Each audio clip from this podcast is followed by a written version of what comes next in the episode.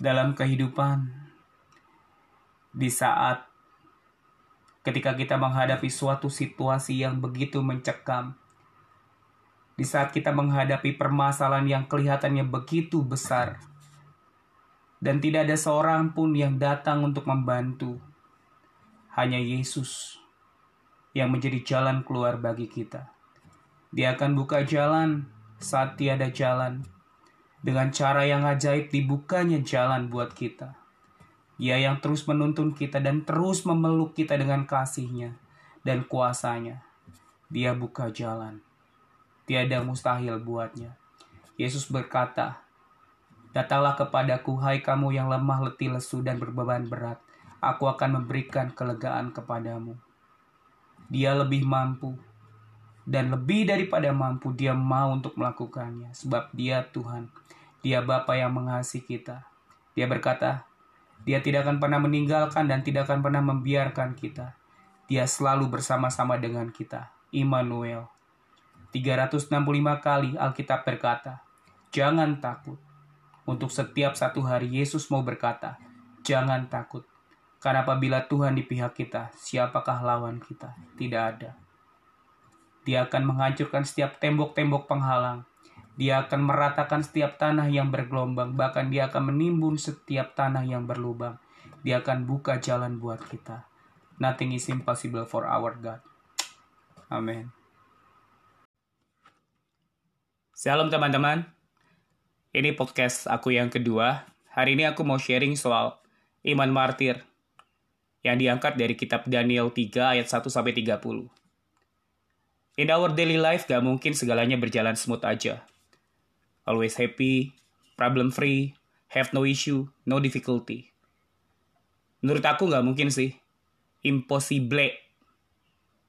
Kalaupun ada, bisa jadi malah hidup yang kelihatan mulus tadi bisa menimbulkan masalah di kemudian hari.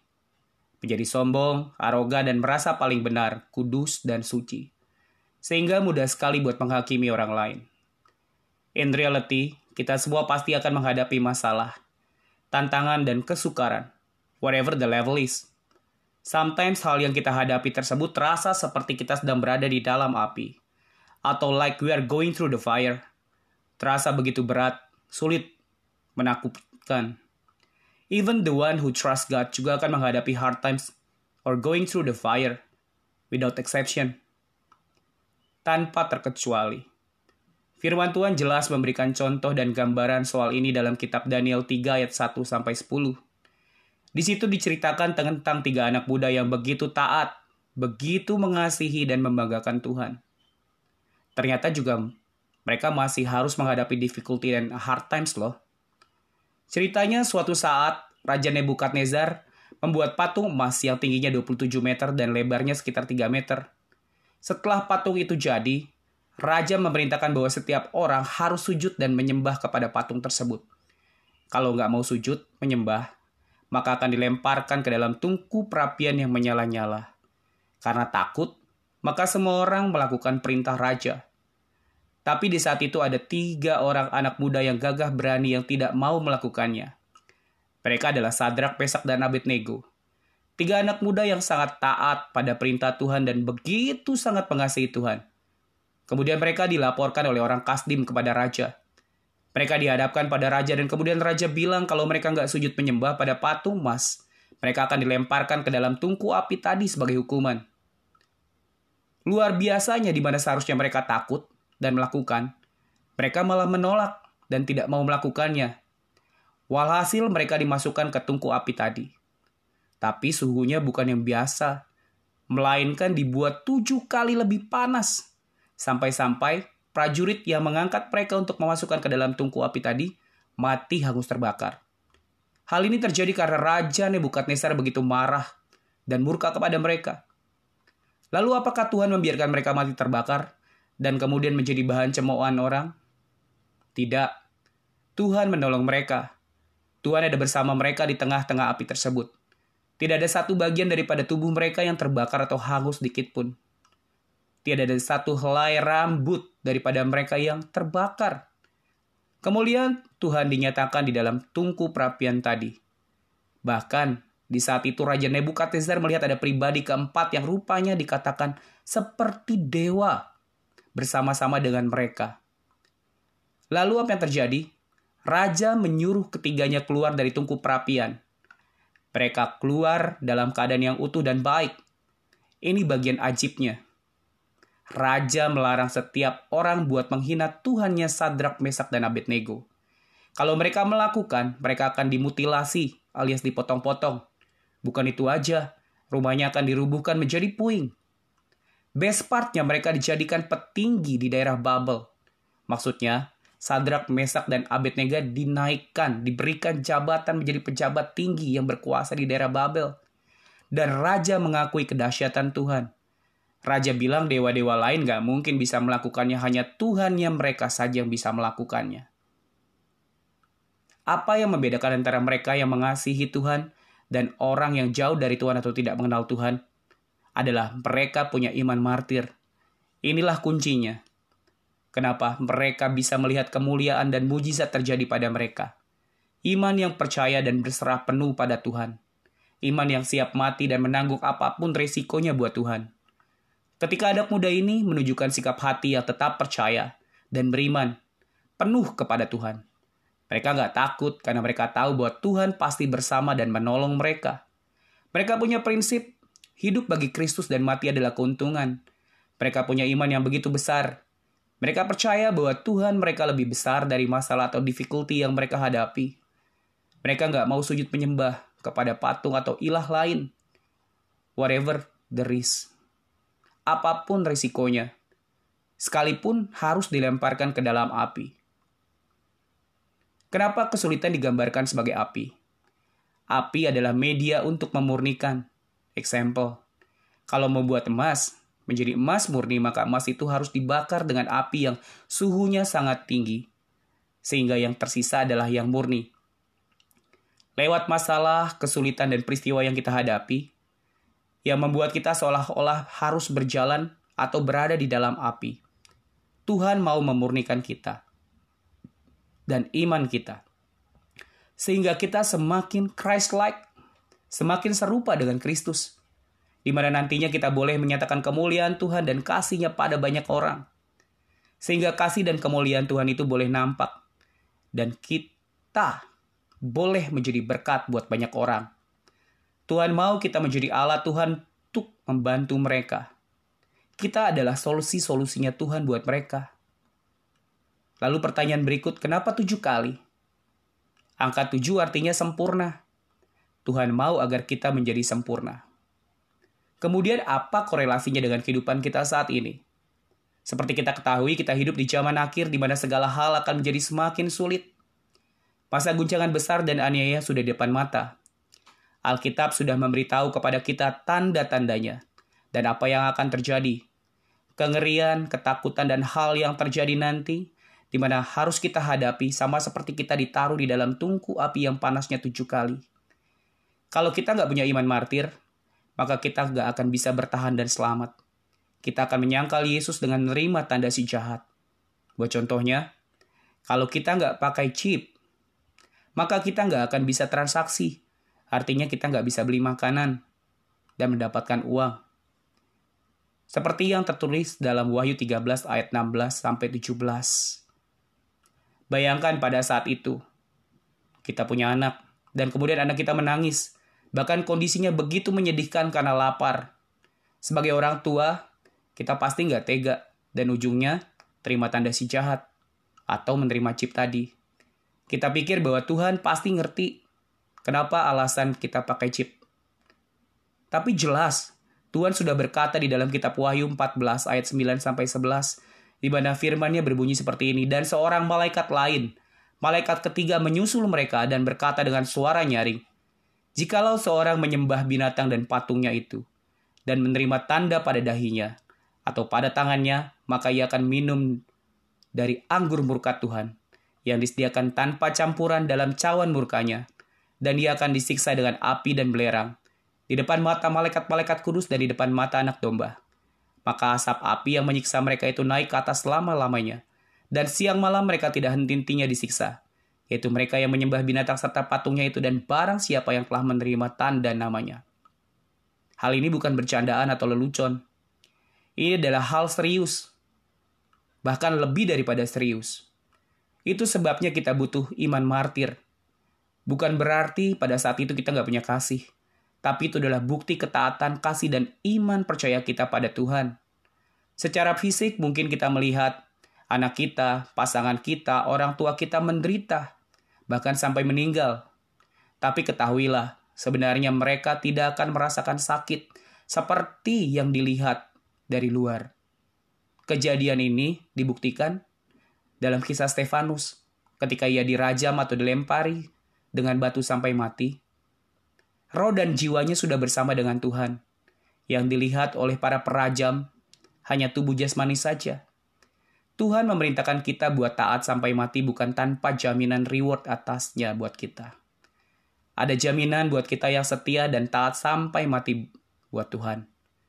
Yakobus 1 ayat 12 berkata seperti ini, Berbahagialah orang yang bertahan dalam pencobaan sebab apabila ia sudah tahan uji, ia akan menerima mahkota kehidupan yang dijanjikan Tuhan kepada barang siapa yang mengasihi dia. Wahyu 2 ayat 10 berkata, Jangan takut terhadap apa pun yang harus engkau derita. Sesungguhnya iblis akan melemparkan beberapa orang dari antaramu ke dalam penjara, supaya kamu dicobai dan kamu akan beroleh kesusahan selama 10 hari. Hendaklah engkau setia sampai mati, dan aku akan mengaruniakan kepadamu mahkota kehidupan. Wahyu 3 ayat 21, Barang siapa menang, ia akan kududukan bersama-sama dengan aku di atas tahtaku. Sebagaimana aku pun telah menang dan duduk bersama-sama dengan Bapakku di atas tahtanya. Matius 10 ayat 39 Barang siapa mempertahankan nyawanya, ia akan kehilangan nyawanya. Dan barang siapa kehilangan nyawanya karena aku, ia akan memperolehnya. Siapa yang mempertahankan nyawanya akan kehilangan nyawanya. Dan siapa yang kehilangan nyawanya demi aku akan mendapatkannya. Wahyu 20 ayat 4 Aku melihat jiwa orang yang dipenggal kepalanya karena kesaksian Yesus karena firman Tuhan. Dan mereka yang tidak menyembah binatang itu atau patungnya dan tidak menerima tanda binatang itu pada dahi atau tangan mereka. Mereka hidup kembali dan memerintah bersama Kristus selama seribu tahun. Apa pun keadaannya, betapa buruk kelihatannya, betapa menakutkan dan mencekam rasanya. Percayalah, Tuhan masih memegang kendali. Dia masih tetap memegang firman dan janjinya Tuhan gak akan pernah berdusta. Bersandar dan taat pada setiap perkataannya, maka kita akan menemukan damai sejahteranya. Iman martir bukan sekedar siap mati buatnya, tapi esensinya adalah siap hidup dan berpegang teguh dalam kebenarannya. Mari persiapkan diri dan iman kita sehingga kita boleh hidup bersama dia selama-lamanya. Ada satu lagu dari kasih Timohedi yang begitu memberkati aku. Judulnya Jujur. Dan bagian ref lagu ini yang selalu menguatkan aku dalam melewati masa-masa sulit ketika aku sedang berada dalam tungku api kehidupan. Bunyinya seperti ini.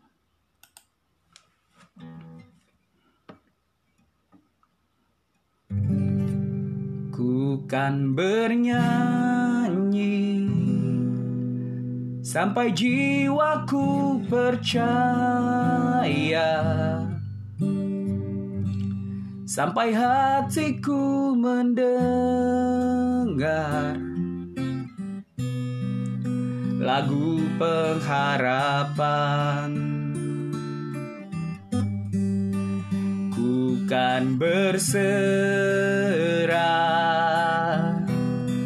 Ku tahu aku tak sendiri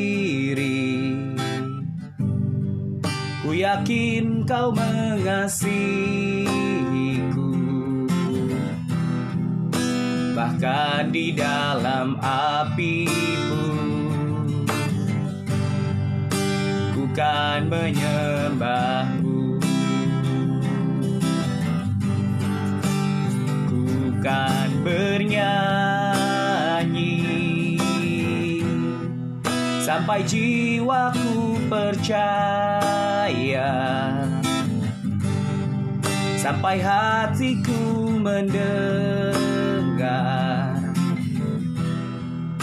lagu pengharapan. Bukan berserah. Ku tahu ku tak sendiri. Yakin kau mengasihiku Bahkan di dalam api pun Ku kan menyembahmu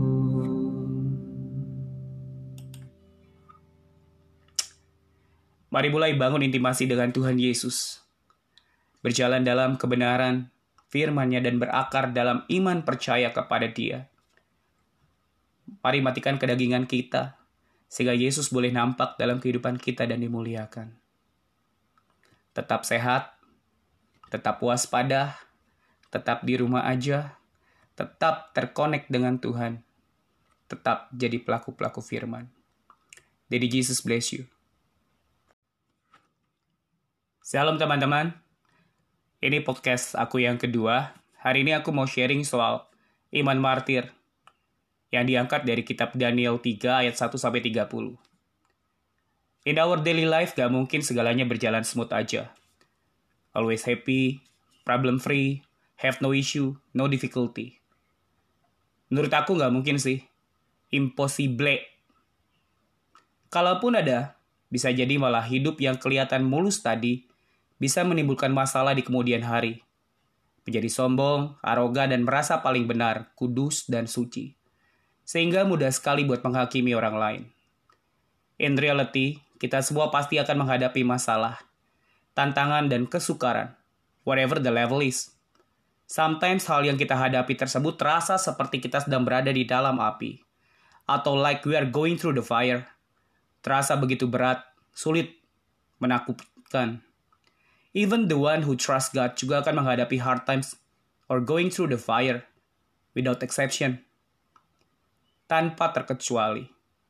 Firman Tuhan jelas memberikan contoh dan gambaran soal ini dalam kitab Daniel 3 ayat 1 sampai 10.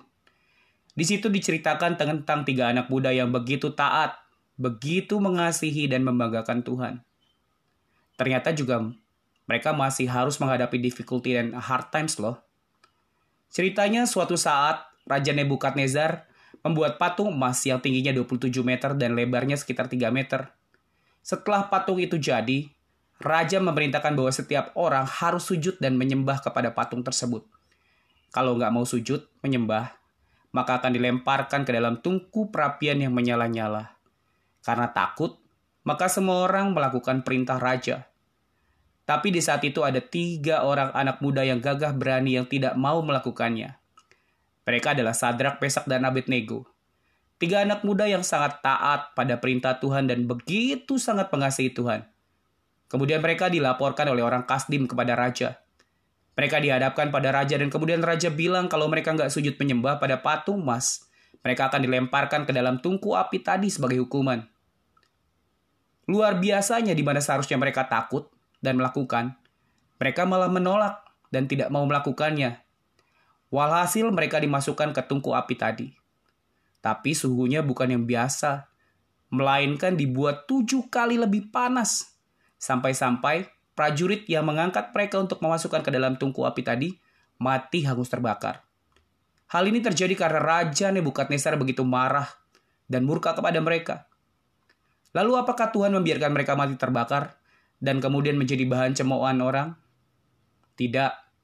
Tuhan menolong mereka. Tuhan ada bersama mereka di tengah-tengah api tersebut. Tidak ada satu bagian daripada tubuh mereka yang terbakar atau hangus sedikit pun. Tidak ada satu helai rambut daripada mereka yang terbakar. Kemudian Tuhan dinyatakan di dalam tungku perapian tadi. Bahkan di saat itu Raja Nebukadnezar melihat ada pribadi keempat yang rupanya dikatakan seperti dewa bersama-sama dengan mereka. Lalu apa yang terjadi? Raja menyuruh ketiganya keluar dari tungku perapian.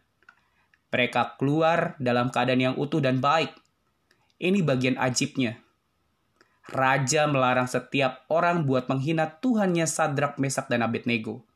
Kalau mereka melakukan, mereka akan dimutilasi alias dipotong-potong. Bukan itu aja, rumahnya akan dirubuhkan menjadi puing. Best partnya mereka dijadikan petinggi di daerah Babel. Maksudnya, Sadrak, Mesak, dan Abednego dinaikkan, diberikan jabatan menjadi pejabat tinggi yang berkuasa di daerah Babel. Dan Raja mengakui kedahsyatan Tuhan. Raja bilang dewa-dewa lain gak mungkin bisa melakukannya, hanya Tuhan yang mereka saja yang bisa melakukannya. Apa yang membedakan antara mereka yang mengasihi Tuhan dan orang yang jauh dari Tuhan atau tidak mengenal Tuhan? Adalah mereka punya iman martir. Inilah kuncinya. Kenapa mereka bisa melihat kemuliaan dan mujizat terjadi pada mereka? Iman yang percaya dan berserah penuh pada Tuhan. Iman yang siap mati dan menanggung apa pun resikonya buat Tuhan. Ketika anak muda ini menunjukkan sikap hati yang tetap percaya dan beriman, penuh kepada Tuhan mereka nggak takut karena mereka tahu bahwa Tuhan pasti bersama dan menolong mereka. Mereka punya prinsip, hidup bagi Kristus dan mati adalah keuntungan. Mereka punya iman yang begitu besar. Mereka percaya bahwa Tuhan mereka lebih besar dari masalah atau difficulty yang mereka hadapi. Mereka nggak mau sujud menyembah kepada patung atau ilah lain. Whatever the risk. Apa pun risikonya. Sekalipun harus dilemparkan ke dalam api. Kenapa kesulitan digambarkan sebagai api? Api adalah media untuk memurnikan. Example, kalau membuat emas menjadi emas murni, maka emas itu harus dibakar dengan api yang suhunya sangat tinggi, sehingga yang tersisa adalah yang murni. Lewat masalah, kesulitan, dan peristiwa yang kita hadapi, yang membuat kita seolah-olah harus berjalan atau berada di dalam api. Tuhan mau memurnikan kita dan iman kita. Sehingga kita semakin Christ-like, semakin serupa dengan Kristus. Di mana nantinya kita boleh menyatakan kemuliaan Tuhan dan kasihnya pada banyak orang. Sehingga kasih dan kemuliaan Tuhan itu boleh nampak. Dan kita boleh menjadi berkat buat banyak orang. Tuhan mau kita menjadi Allah Tuhan untuk membantu mereka. Kita adalah solusi-solusinya Tuhan buat mereka. Lalu pertanyaan berikut, kenapa tujuh kali? Angka tujuh artinya sempurna. Tuhan mau agar kita menjadi sempurna. Kemudian apa korelasinya dengan kehidupan kita saat ini? Seperti kita ketahui, kita hidup di zaman akhir di mana segala hal akan menjadi semakin sulit. Masa guncangan besar dan aniaya sudah di depan mata. Alkitab sudah memberitahu kepada kita tanda-tandanya dan apa yang akan terjadi. Kengerian, ketakutan, dan hal yang terjadi nanti di mana harus kita hadapi sama seperti kita ditaruh di dalam tungku api yang panasnya tujuh kali. Kalau kita nggak punya iman martir, maka kita nggak akan bisa bertahan dan selamat. Kita akan menyangkal Yesus dengan menerima tanda si jahat. Buat contohnya, kalau kita nggak pakai chip, maka kita nggak akan bisa transaksi. Artinya kita nggak bisa beli makanan dan mendapatkan uang. Seperti yang tertulis dalam Wahyu 13 ayat 16 sampai 17. Bayangkan pada saat itu, kita punya anak, dan kemudian anak kita menangis. Bahkan kondisinya begitu menyedihkan karena lapar. Sebagai orang tua, kita pasti nggak tega, dan ujungnya terima tanda si jahat, atau menerima chip tadi. Kita pikir bahwa Tuhan pasti ngerti kenapa alasan kita pakai chip. Tapi jelas, Tuhan sudah berkata di dalam kitab Wahyu 14 ayat 9 sampai 11 di mana firmannya berbunyi seperti ini, dan seorang malaikat lain, malaikat ketiga menyusul mereka dan berkata dengan suara nyaring, Jikalau seorang menyembah binatang dan patungnya itu, dan menerima tanda pada dahinya, atau pada tangannya, maka ia akan minum dari anggur murka Tuhan, yang disediakan tanpa campuran dalam cawan murkanya, dan ia akan disiksa dengan api dan belerang, di depan mata malaikat-malaikat kudus dan di depan mata anak domba maka asap api yang menyiksa mereka itu naik ke atas selama-lamanya. Dan siang malam mereka tidak henti-hentinya disiksa. Yaitu mereka yang menyembah binatang serta patungnya itu dan barang siapa yang telah menerima tanda namanya. Hal ini bukan bercandaan atau lelucon.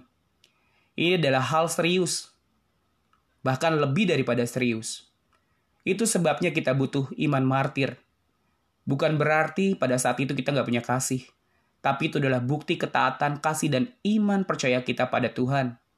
Secara fisik mungkin kita melihat anak kita, pasangan kita, orang tua kita menderita, bahkan sampai meninggal. Tapi ketahuilah, sebenarnya mereka tidak akan merasakan sakit seperti yang dilihat dari luar. Kejadian ini dibuktikan dalam kisah Stefanus ketika ia dirajam atau dilempari dengan batu sampai mati. Roh dan jiwanya sudah bersama dengan Tuhan. Yang dilihat oleh para perajam hanya tubuh jasmani saja.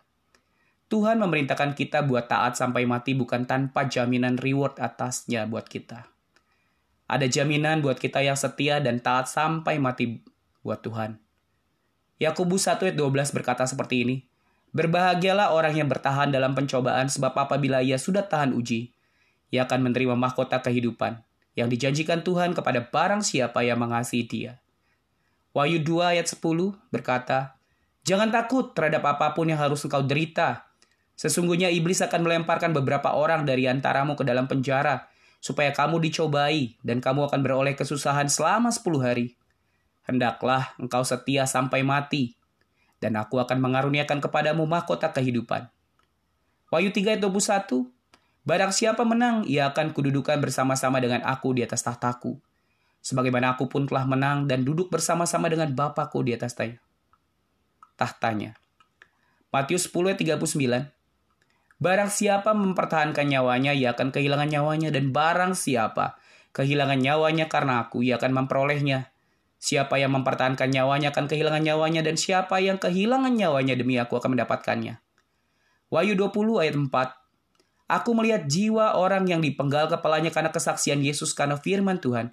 Dan mereka yang tidak menyembah binatang itu atau patungnya dan tidak menerima tanda binatang itu pada dahi atau tangan mereka. Mereka hidup kembali dan memerintah bersama Kristus selama seribu tahun. Apa pun keadaannya, betapa buruk kelihatannya, betapa menakutkan dan mencekam rasanya. Percayalah, Tuhan masih memegang kendali. Dia masih tetap memegang firman dan janjinya. Tuhan gak akan pernah berdusta. Bersandar dan taat pada setiap perkataannya, maka kita akan menemukan damai sejahteranya. Iman martir bukan sekedar siap mati buatnya, tapi esensinya adalah siap hidup dan berpegang teguh dalam kebenarannya. Mari persiapkan diri dan iman kita sehingga kita boleh hidup bersama dia selama-lamanya. Ada satu lagu dari kasih Timohede yang begitu memberkati aku. Judulnya Jujur, dan bagian ref lagu ini yang selalu menguatkan aku dalam melewati masa-masa sulit ketika aku sedang berada dalam tungku api kehidupan. Bunyinya seperti ini.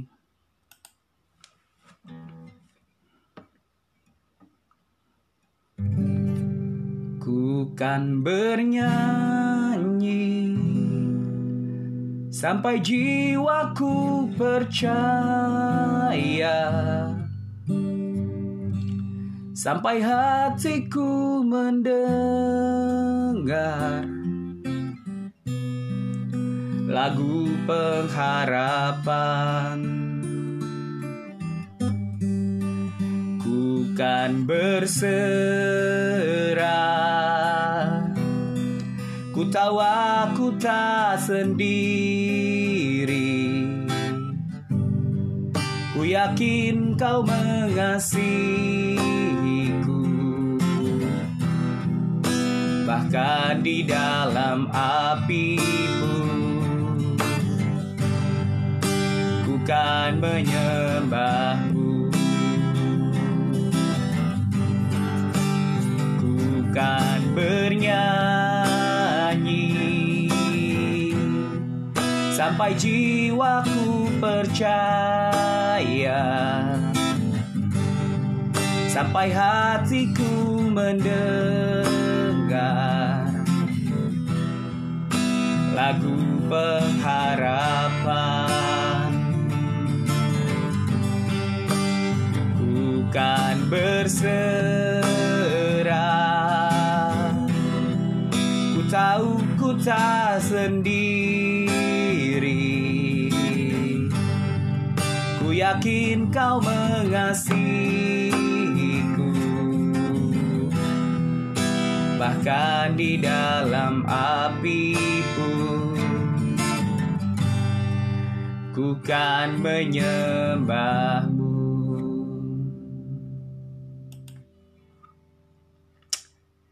Mari mulai bangun intimasi dengan Tuhan Yesus.